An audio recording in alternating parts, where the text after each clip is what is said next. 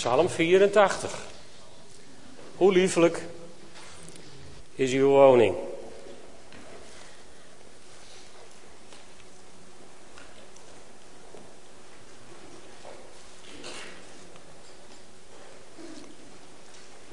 Ik ga hem zo meteen gaan we mee lezen. Het is een psalm die uh, geen schrijver vermeldt. Maar volgens de Joodse overlevering is hij geschreven door koning David. Voordat hij koning was. En je moet je even voorstellen dat, dat David deze psalm schreef in de tijd dat hij op, op de vlucht was voor koning Saul. En mogelijk zelfs in de tijd dat hij zeg maar een tijdje bij de Filistijnen woonde. Omdat het daar veiliger zou zijn. Nou, als je dat weet, dan moet je je even proberen mee terug te gaan in de tijd. Zo'n 3000 jaar terug. David, die vertoeft bij de Filistijnen. Het is voor David absoluut onmogelijk om naar de tabernakel te gaan, om daar in het heiligdom te verschijnen, om daar voor de Heere God te komen. En dan moet je je voorstellen dat David op een ochtend uit zijn tent komt en daar gaat zitten, vol met heimwee naar het huis van God. En ik stel me voor dat de tranen over zijn wangen biggelen. En dat hij deze psalm schrijft. En ik lees hem voor jullie zoals hij staat in de gereviseerde statenvertaling. Nou, vond ik hem ontzettend mooi. Hoe liefelijk zijn uw woningen, heren van de legermachten. Mijn ziel hunkert, ja bezwijkt zelfs van verlangen naar de voorhoven van de Heere. Mijn hart en mijn vlees roepen het uit tot de levende God. Zelfs vindt de mus een huis en de zwaluw een nest waar ze haar jongen neerlegt. Bij uw altaren, heren van de legermachten, mijn koning en mijn God. Welzalig zijn zij die in uw huis wonen. Zij prijzen u voortdurend. Welzalig de mens die sterk is in u, die in zijn hart gebaande wegen heeft. Gaan zij door het dorre dal van de moerbijbomen, dan maken zij hun God tot een bron. Ook zal de regen hen overvloedig bedekken. Zij gaan voort van kracht tot kracht. Zij zullen verschijnen voor God in Sion. Heere, God van de legermachten, luister naar mijn gebed. Neem het er oren, o God van Jacob, o God ons schild. Zie en aanschouw het aangezicht van uw gezalfde, want één dag in uw voorhoven is beter dan duizend elders. Ik verkoos liever te staan op de drempel van het huis van mijn God dan lang te wonen in tenten van goddeloosheid. Want God, de Heere, is een zon en een schild. De Heere zal genade en eer geven. Hij zal het goede niet onthouden aan wie in oprechtheid wandelen. Heere van de legermachten, welzalig de mens die op u vertrouwt. Een lied van heimwee, een lied van iemand die er intens naar verlangt, een lied van iemand die, die er fysiek onder lijdt dat hij niet in het huis van de Heer kan verschijnen. Heb jij daar ook last van als je niet naar de kerk kunt? Is samenkomen in het huis van God zo hoog op ons prioriteitenlijstje dat wij ook tegen God zouden kunnen zeggen: Mijn ziel hunkert, ja, bezwijkt zelfs van verlangen om in uw huis te zijn.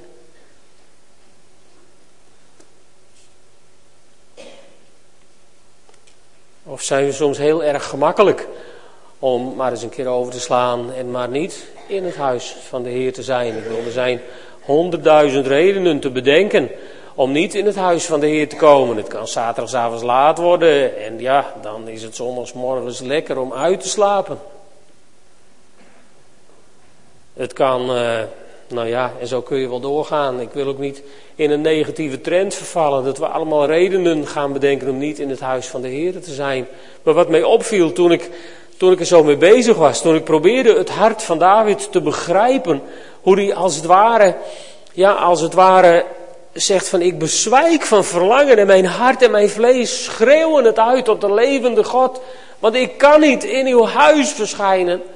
Dat ik dacht, die man had een andere relatie met samenkomsten dan, dan, dan wij. Want hij leed er fysiek onder, omdat hij niet in het huis van de Heer, omdat hij niet in de gemeenschap der heiligen kon verkeren. Hij had er, hij had er last van. Dat is waar deze psalm over gaat. Dus uiteindelijk gaat het over hoe lieflijk zijn uw woningen. Het gaat gewoon over de tabernakel. David schreef over de tabernakel. En, en uh, hij is jaloers. Hij is duidelijk jaloers in deze psalm. Want hij, hij zegt zelfs de mus vindt een huis. En de zwaluw een nest waar ze haar jongen neerlegt bij uw altaren, Heer van de hemelse machten. Nu is het ondenkbaar dat de mus en de zwaluw fysiek nestelden bij het altaar. Bij het brandofferaltaar zou dat niet kunnen, want er was geen dak boven, dus er was geen plek om te nestelen en op het altaar was niet slim. En bij het reukwerkaltaar, ja, in, in het heiligdom, daar lieten de priesters geen onreine vogels nestelen. Daar hoefde je natuurlijk niet over in te zitten. Maar als je wel eens een model van de tabernakel hebt gezien, dan heb je vast gezien dat het een tent was die zo scheef afliep. En dan staan daar die rechte schotten in. En daarbinnen was de tabernakel. En ik stel me voor dat slimme mussen en slimme zwaluwen dachten van nou, die ruimte tussen die tent en dat schot, niet onaardig. Uit de zon, uit de regen, uit de wind, goede plek. En je weet niet wat de priesters daar vonden. Waarschijnlijk als ze de tabernakel moesten afbreken om weer te verhuizen als ze een poosje ergens gestaan hadden.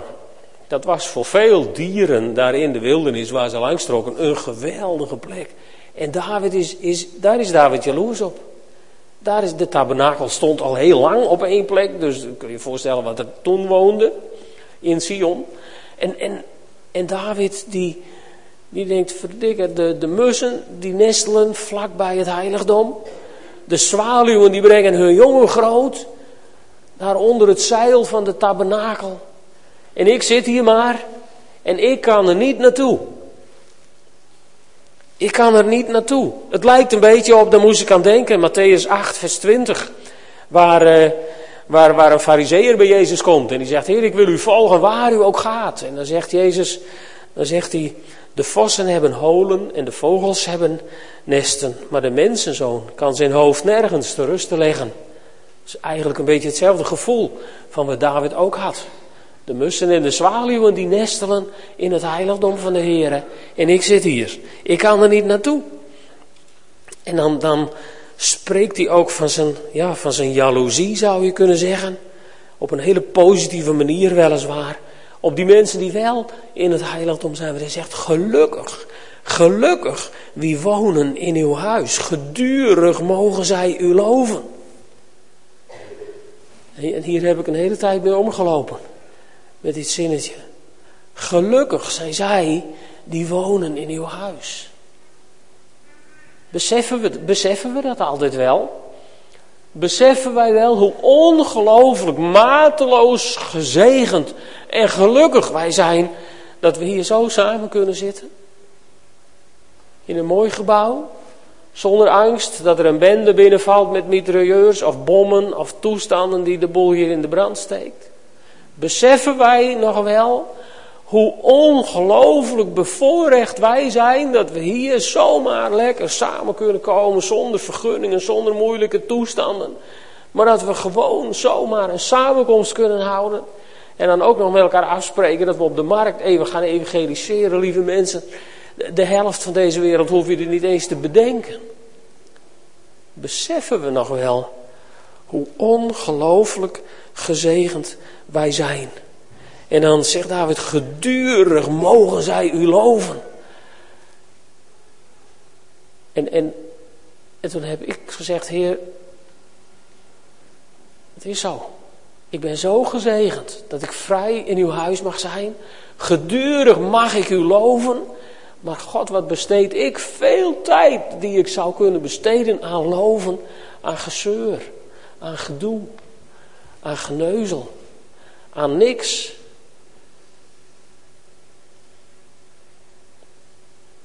Dit is een, een, een nadenkpsalm als je hem zo gaat lezen. Dat je denkt, Heer, wat gebruiken we die tijd weinig? Om u te loven, gewoon u te prijzen. U te loven alleen al om het, om het kale voorrecht dat we samen mogen komen in de naam van de Heer Jezus. In een gebouw waar het warm is en waar het niet waait en niet lekt en waar je gewoon heerlijk met elkaar kunt zijn. Zonder angst. Alleen dat zou reden genoeg moeten zijn om alleen maar God te loven en te prijzen. Maar ik weet wel, hoe meer je verwend wordt, dat is in het dagelijks leven ook zo natuurlijk, hoe meer je verwend wordt, hoe normaler je het gaat vinden. En op laatst vind je, vind je zelfs caviar, denk ik gewoon. En dan ga je ook neuzelen over deze caviar is lekker en die caviar is niet lekker. En ik bedoel, eh, je went aan alles. Maar het is wel gevaarlijk dat je aan alles went. Want volgens mij leer je namelijk, leer je het af om te waarderen wat je hebt aan voorrechten, dat je zomaar in het huis van God mag zijn. Je verwendt jezelf.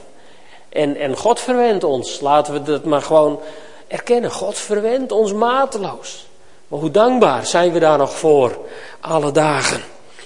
Hoe dankbaar zijn we nog dat wij mogen wonen in het huis van de Heer, bij zijn altaren, op de plek waar Hij ons zegent, vlakbij de plek, zo aan de voet van het kruis waar Hij verzoening doet voor onze zonden. Hoe dankbaar zijn we daar nog voor? Hoe dankbaar zijn we daar nog voor?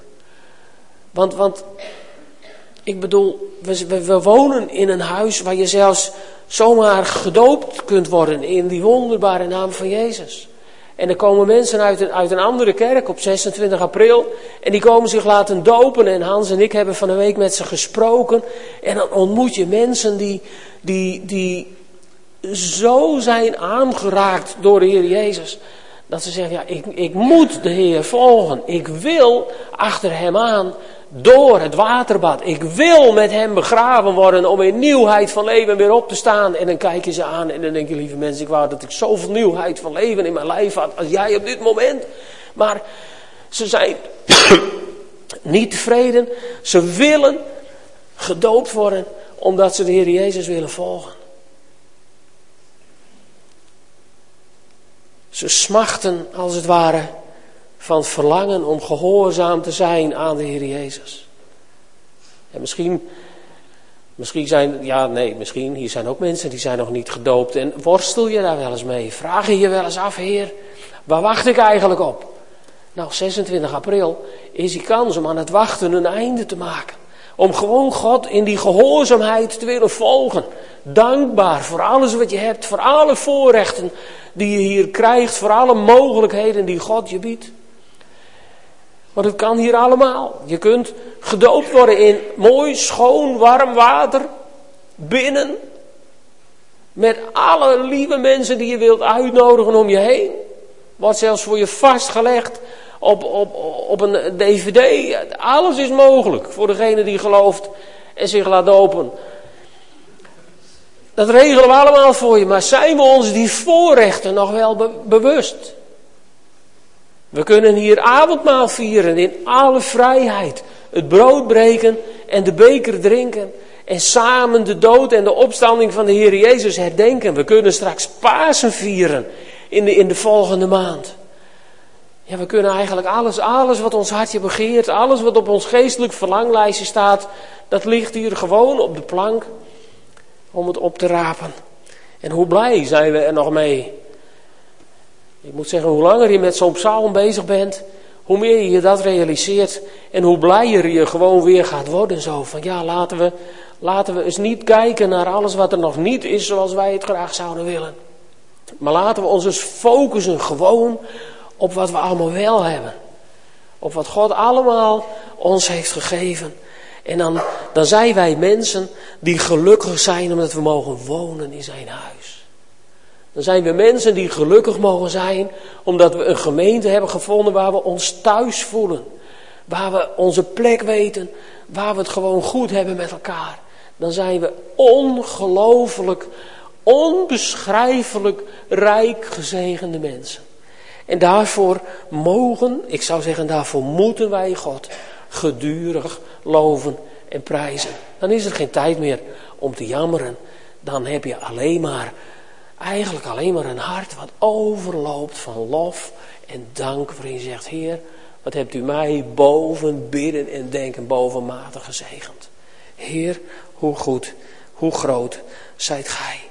En zo is David jaloers op die vogeltjes. Misschien heeft hij ook wel gedacht aan koning Samuel, die, of aan, aan de profeet Samuel, die toen hij nog klein was, sliep in het heilige der heiligen naast de ark. Misschien heeft hij wel gedacht, wauw, wauw. En ik slaap hier in een tent bij de Filistijnen. Wauw, wat een verschil. Wat zou ik graag meer willen. En dan zegt hij, dan zegt hij in het volgende vers, gelukkig wie bij u hun toevlucht zoeken. Met in hun hart de wegen naar u. Weet je, dit is, dit is gewoon heel erg belangrijk in je leven. Gelukkig zij die hun toevlucht zoeken bij u. Want, want als het nou eens even niet gaat zoals we graag willen, hè, als we nou eens even niet ons helemaal bewust zijn dat we zo gelukkig zijn omdat we mogen wonen in zijn huis, maar gewoon het zit even tegen en het wil even niet, waar zoeken we dan onze toevlucht? Waar zoeken we onze toevlucht?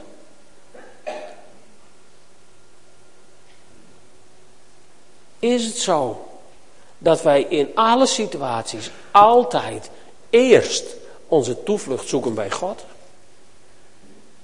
Weet je, ik heb de indruk dat God voor heel veel, ook voor heel veel christenen, het laatste redmiddel is geworden. Als de dokter zegt, ja, ik kan niks meer voor u doen, dan gaan we ineens heel hard bidden.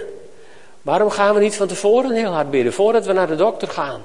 Dat die dokter iets mag vinden wat hij wel kan doen. Of dat hij misschien niks meer hoeft te doen, omdat God hem een slag voor was. Waar is het geloof dat we, dat we zo'n God hebben, zo'n machtige God? Gelukkig wie bij u hun toevlucht zoeken. Niet bij de Filistijnen, niet bij hun kracht, niet bij zwaarden of andere wapens. Niet bij de paracetamol of de paranormale genezer of de para weet ik wat. Maar bij God hun toevlucht zoeken.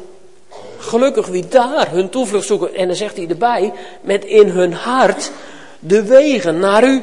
Of zoals de Statenvertaling het zegt, met in hun hart de gebaande wegen naar u. De gebaande wegen hebben we de afgelopen maanden hebben we dat als, als maandthema gehad. Gebaande wegen. En deze maand is het thema ruim baan. En, en ik wil het je gewoon vragen deze morgen. Is er in jouw hart ruim baan? Richting God is er een highway to heaven. In jouw hart een koninklijke weg naar de hemel.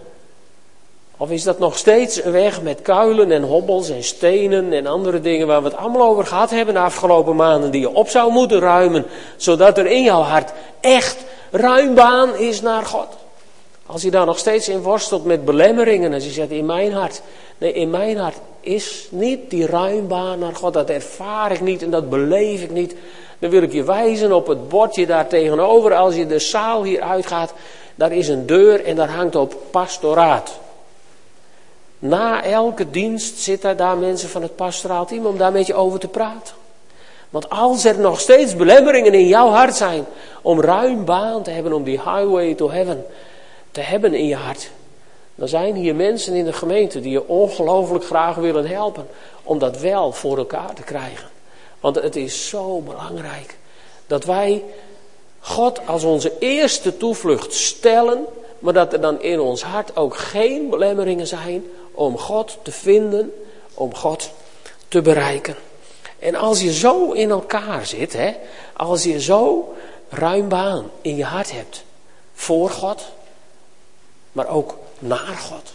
Als die ruim baan er is, dan gebeurt er iets bijzonders met mensen. Want het volgende vers is een heel interessant vers. Daar staat: Trekken zij door een dal van dorheid, zegt de nieuwe Bijbelvertaling. De NBG-vertaling noemt het een dal van balsemstruiken. En de Naardense Bijbel heeft het over het dal van de traanden. Het zal wel een boom zijn. En de Statenvertaling heeft het over het dal der moerbezienbomen. Maar in de gereviseerde versie is het het dal van de moerbijbomen geworden. En de Friese Bijbelvertaling noemt het gewoon de Twarre Baka-delling. Ja, wat staat er nou eigenlijk, hè? In het Hebreeuws staat er het woord Baka en dat kan verschillende betekenissen hebben. Met een hoofdletter zou het gewoon een plaatsaanduiding zijn, alleen ze hebben in het Hebreeuws geen hoofdletters. Dus dat is lastig te zien voor een vertaler die dat nu moet vertalen in gewoon Nederlands. Dus het zou een plaatsaanduiding kunnen zijn. Maar het kan ook, inderdaad, het woord betekent ook balsemstruik, maar het woord baka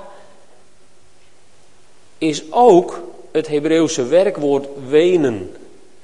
Dus ja, wat zou er nou bedoeld zijn? Hè? Wat zou David nou bedoeld hebben? Dat weten we niet. Er is een dordal waar je doorheen moet als je naar Jeruzalem reist. Ja, dat is zo, dat zou het kunnen zijn. Maar David zou het ook best over een soort tranendal gehad kunnen hebben. Ik kan me in de gemoedstoestand waarin hij was voorstellen dat hij, dat hij huilde, dat hij verdriet had, dat hij intens verdrietig was omdat hij niet naar het huis van God kon. En dat het dus voor hem een tranendal eigenlijk was. Het maakt niet zoveel uit wat het precies is, maar in ieder geval, dat dal van dorheid, dat, dat was niet alleen maar een dal van dorheid omdat het een tikje droog was. Het dal van dorheid was gewoon een nare plek. Vergelijk het met, met, met eh, die andere psalm waar staat, trek ik door een dal van diepe duisternis. Ja, koning David die schreef daar ook over. Trek ik door een dal van diepe duisternis.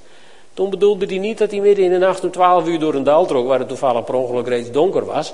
Nee, dan bedoelt hij een dal van, van ellende. Een dal waar het gewoon niet goed met je gaat. Een dal waar de dingen even tegen zitten. Een dal waar je pijn hebt, waar je ziek bent, waar je lijdt, waar je... Nou ja, bedenk het maar. Dat dal waar sommige mensen doorheen moeten. En dat dal wat voor de ene mens veel langer is, veel dieper en veel donkerder dan voor andere mensen dat dal waar, waar jouw individuele problemen liggen. Als je door dat dal heen trekt, dan, dan, en er is een gebaande weg naar God in je hart. Hè, dat is de voorwaarde, dat is de conditie. Als er in jouw hart een gebaande weg is naar God en jij moet door zo'n dal, dan gebeurt er iets bijzonders. Dan gebeurt er iets heel, heel, heel bijzonders. De nieuwe Bijbelvertaling zegt dat dal verandert voor hen in een oase. En dat is waar. Alleen zoals het hier beschreven staat, wekt het de indruk dat het je overkomt, als het ware. Je trekt door zo'n dal en het verandert voor jou in een oase. Gelet op het Hebreeuws is het gewoon correct vertaald, alleen er zijn meer correcte mogelijkheden om het te vertalen. Dus het verandert voor jou in een oase. De NBG-vertaling die zegt, als ze door zo'n dal trekken, van balsemstruiken, maken zij het tot een oord van bronnen. Nou, zij of het is allebei uh, derde persoon, dus het Hebreeuws allebei mogelijk, allebei goed. Alleen dit is heel wat anders. Het overkomt je niet. Nee, jij maakt het tot een oord van bronnen. En de Naredens Bijbelvertaling zegt dat ook zo. Zij maken het tot een fontein. Wij? Ja, wij. Dat schrijft David hier. Als jouw eerste prioriteit God is, en er is in jouw hart een gebaande weg naar God, ruimbaan voor God, en je trekt door een dal van, van tranen, dan maak jij dat dal tot een oord van bronnen. Oh ja? Hoe dan? Nou, de Statenvertaling laat zien hoe. Ook in de derde persoon. Ook mogelijk in het Hebreeuws. Want in de Statenvertaling staat, stellen zij hem tot een fontein. Wie? Nou, dat maakt de gereviseerde versie dan helemaal duidelijk, want daar staat het heel mooi. Als zij, trekken zij door het dorre dal van de moerbijbomen, dan maken zij God tot hun bron. Is dat niet mooi? Is dat niet een mooie vertaling? Is dat niet uniek aangegeven waar het om gaat? Als jij door een dal moet van diepe duisternis, uw stok en uw staf vertroosten mij, zegt David. En in deze psalm zegt hij van trek je door dat dal, dan maken zij hun God tot een bron. Tot een bron. Wie is in jouw leven de plek waar jij je kracht vandaan haalt? Wie is in jouw leven de plek waar jij je dorst komt lessen als je geestelijk bent uitgedroogd? Wie is in jouw leven de bron van jouw kracht? Als God dat nog niet is, dan moet je heel snel God tot een bron, tot die bron maken in jouw leven. Want dat is wat hier staat. Als ze door dat dal trekken, dan maken zij hun God tot een bron. Dat is heel bijzonder, want het gevolg daarvan is dat rijke zegen als regen neerdaalt. Jezus die zegt dat ook tegen zijn, zijn volgelingen in Johannes 7, vers 38. Daar zegt hij over, eigenlijk over ditzelfde. Als je God tot jouw bron maakt, zegt Jezus, als je in mij gelooft, dan zullen rivieren van levend water stromen uit het hart van wie in mij gelooft. Zo zegt de schrift. Rivieren van levend water zullen stromen uit het hart van wie in mij gelooft. Woorden van Jezus. Geloof jij in Jezus? Gelooft u in Jezus Christus als uw verlosser en zaligmaker? Gelooft u dat Jezus Christus voor u stierf aan het kruis op Golgotha? Dat hij al uw zonden en al uw pijn en al uw tranen droeg aan het kruis? Gelooft u dat? En gelooft u dat hij is begraven en dat hij ten derde dagen wederom is opgestaan? Gelooft u dat? Is dat de bron van jouw geloof? Is dat de kracht, het fundament waarop wij staan in ons geloof? Als dat zo is, dan horen er rivieren van levend water uit je hart te vloeien. En als je denkt, nou ik ervaar het niet zo, dan is het misschien, misschien wel nodig om aan je eigen kant die sluis even open te draaien. Want aan Gods kant is dat wel open. Want hij belooft het hier. En, en, en heel vaak laten wij het liggen. Hè? In openbaringen 21 vers 6, daar spreekt de Heer Jezus met Johannes. En dan zegt hij tegen Johannes, ik ben de alfa en de omega, het begin en het einde. En dan zegt hij, ik zal de dorstige geven uit de bron van het water des levens. Om niet. Om niet. Heb je dorst? Jezus zegt, ik zal je geven. Uit de bronnen van het water des levens. Om niet. Om niet, joh. Ik hoef niks terug. Ik hoef niks terug, joh. Ik hoef niks terug. Ik wil je, ik wil je geven te drinken uit die bronnen van het water des levens.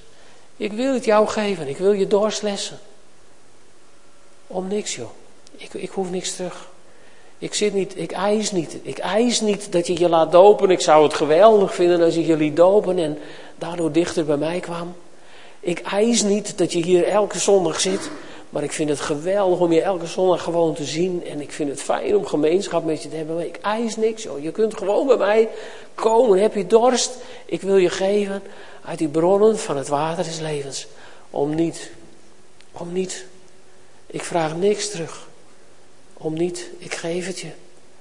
Maar ja, de indianen wisten het al. Die zeiden, je kunt een paard wel naar het water brengen, maar je kunt hem niet laten drinken.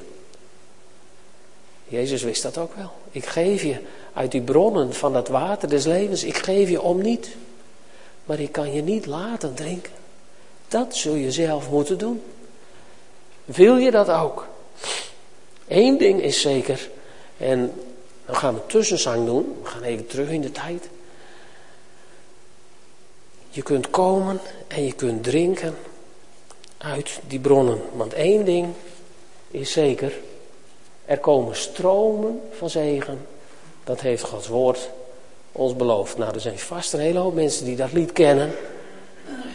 Dus gaan we even staan, even strekken. Even... Stromen van zegen.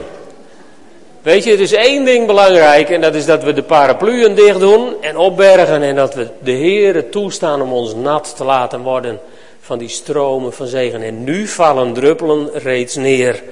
En zo gaan nog even verder met onze psalm. Daar staat, steeds krachtiger gaan ze voort. Oftewel, ze gaan voort van kracht tot kracht.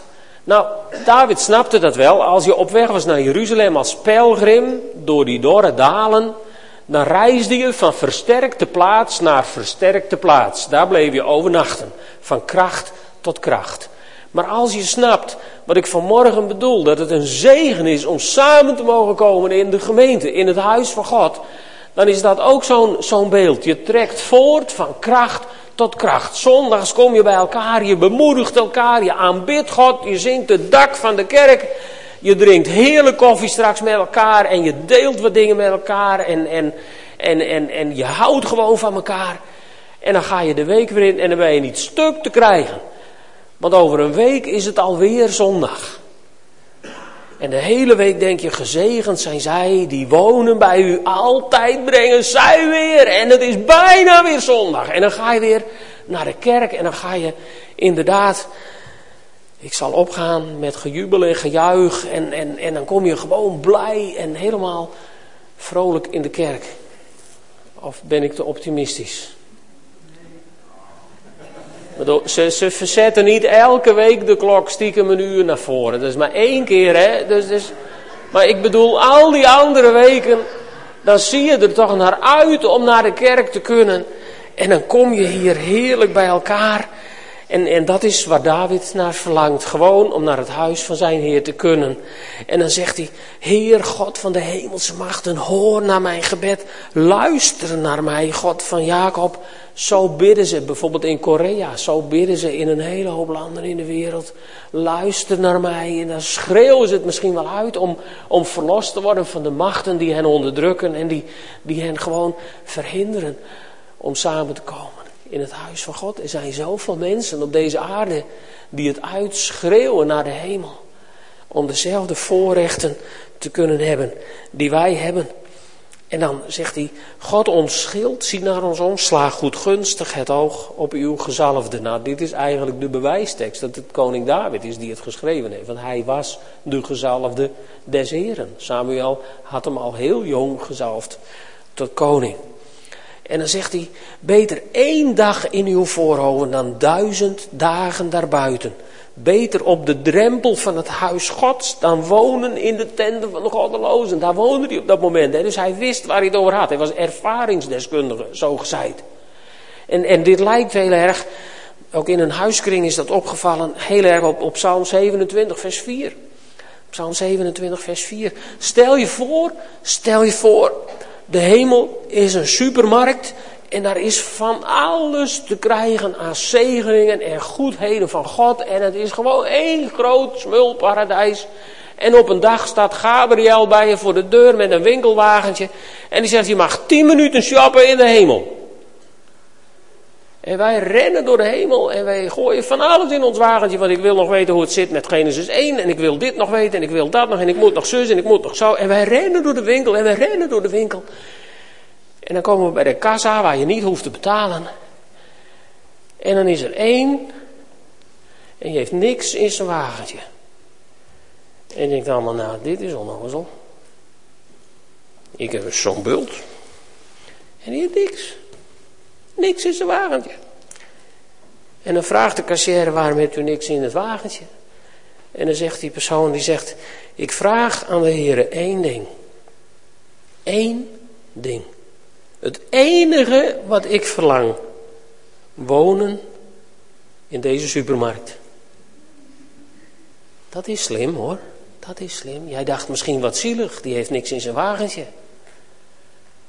Maar als je gaat wonen in de supermarkt, hoef je niet meer te rennen met een wagentje. Dan heb je alles ter beschikking op elk moment waarop jij dat wil. Slim hoor. Het is geen zielige psalm, psalm 27. Het is een hele slimme psalm. Om tegen God te zeggen, ik vraag één ding, Heer, één ding. Ik lever mijn hele verlanglijstje, Heer, lever ik bij u in. Ik wil zoveel, maar ik lever het allemaal bij u in, Heer. Eén ding, één ding. Wonen in het huis van de Heer alle dagen van mijn leven. Om de liefde van de Heer te aanschouwen, Hem te ontmoeten in zijn tempel. Lieve vrienden, als je zover bent gekomen in je relatie met God, dan gaat het niet meer om de gaven die God geeft. Dan gaat het niet meer om de zegeningen die God schenkt. Dan gaat het, waar gaat het je dan nog om? Dan gaat het je erom, dan wil je de liefde van de Heer aanschouwen. Niet ervaren voor mezelf, maar aanschouwen. Dan wil je zien hoe God in zijn liefde andere mensen om je heen zegent. En mensen aanraakt. En mensen verleidt om zich te laten dopen bijvoorbeeld. Nu ga ik het niet nog een keer zeggen. Dan wordt het vervelend. Maar mensen, de liefde van God, die werkt in de harten van mensen. Het is zo mooi om dat te zien, van dichtbij, om mee te maken. Hoe die liefde van God mensen aanraakt.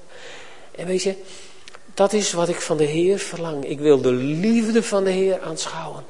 En ik wil Hem ontmoeten. In zijn tempel. Ik wil Hem ontmoeten. En ontmoeten is wat anders dan hem voorbij vliegen en de hand opsteken en zeggen: Hoi, tot volgende week. Hem ontmoeten betekent dat je een gesprek met hem hebt. Dat je een relatie met hem aangaat. Dat je dingen met hem deelt. Dat je zijn hart gaat voelen en dat jouw hart van steen door hem wordt vervangen door een hart van vlees wat warm klopt voor die geweldige God die wij mogen dienen. Want God de Heer is een zon en een schild. Een zon. Wat zien we er naar uit, hè, na zo'n week als deze? Naar die zon. En wat hogere temperaturen, zodat je lekker gewoon buiten kunt gaan zitten in de zon. Laat maar op je schijnen. Dat wil God ook voor je zijn. Een zon. Ga maar zitten. Ben je moe? Wil je bekken niet meer? Ga maar zitten. Heer, schijn maar op me. U bent mijn zon. En u bent mijn schild. U gaat me, u gaat me beschermen. U geeft me genade. En u geeft me glorie. Heer, ik prijs uw naam. Wat mooi. Wat mooi. Want zijn weldaden weigert hij niet aan wie onbevangen op weg gaan. Vanuit één kring kreeg ik een mailtje daar. Daar had men gelezen en gedacht, ja maar dit is toch wel, uh, ja dit is toch wel vrij postig om, om zo met God om te gaan. Hè? Is dit niet aanmatigend om zomaar ja, de hemel in en uit te rennen. Is het niet aanmatigend om zomaar. En, en God, David zegt het hier, en ik geloof dat God dat ook tegen ons zegt. Mij wel daarom weiger ik niet aan wie onbevangen op weg gaan. Er is niks aanmatigends aan om met al je noden bij God te komen en te zeggen, Heer help. En er is niks aanmatigends aan om als Hij je helpt te zeggen, prijs de Heer, ik wil u eren, ik wil u aanbidden. En ik vraag u één ding, Heer, ik wil niet veel vragen. Ik vraag u één ding, ik wil wonen in uw huis al de dagen van mijn leven. Dat is niet aanmatigend, dat mag je in alle onbevangenheid vragen. Want Jezus die zei het in Matthäus 18, vers 2 en 3. Hij riep een kind bij zich, zette het in hun midden neer. En hij zei, ik verzeker jullie, als je niet verandert en wordt als een kind, dan zul je het koninkrijk van de hemel zeker niet binnengaan. En weet je wat ik, wat ik me realiseerde? Heel vaak leggen we deze tekst uit als dan zul je voor straf het koninkrijk van God niet binnen mogen. Maar dat staat hier niet. Je staat als je niet wordt als een kind, dan zul je het koninkrijk van God niet binnen gaan. Waarschijnlijk blijf je dan inderdaad op de drempel staan. Nou, ik vind het wel aanmatigend zomaar het koninkrijk, zomaar de hemel binnengaan. Ja, nou, ik vind het nogal wat. Uh, ik bedoel, eh, waar haal ik het recht vandaan? En de duivel gaat je helpen hoor, bij al dat soort gedachten. Die heeft nog honderdduizend ideeën waarom je niet de hemel binnen zou mogen gaan. En Jezus zegt, joh, je moet gewoon worden als een kind. Ik zet de deur open, al het lekkers ligt hier voor je klaar. In de hemel is het schoon. Kom, geniet. Je bent uitgenodigd en je bent welkom. En je moet worden als een kind. En een kind denkt daar niet twee seconden over na. Die race gewoon naar binnen. Want binnen is het beter dan buiten. Zo wil God dat we worden met Hem. En als God zegt, ik wil wonen bij jou. En ik wil dat jij komt wonen bij mij. Dan is die ene conditie die eraan zit, wordt als een kind. Doe niet zo moeilijk, maar word als een kind. De vader nodigt je uit van hé, kom bij mij. Kom wonen bij mij. Kom maar. Kom maar. Heer van de hemelse machten. Gelukkig de mens die op u vertrouwt. Hoe heerlijk is uw huis. door een paar lieve mensen geattendeerd op een prachtig filmpje op YouTube. En dan kijk je ernaar en dan denk je, hoe krijg ik dat in mijn computer? Maar dat wist Reu wel en die heeft dat voor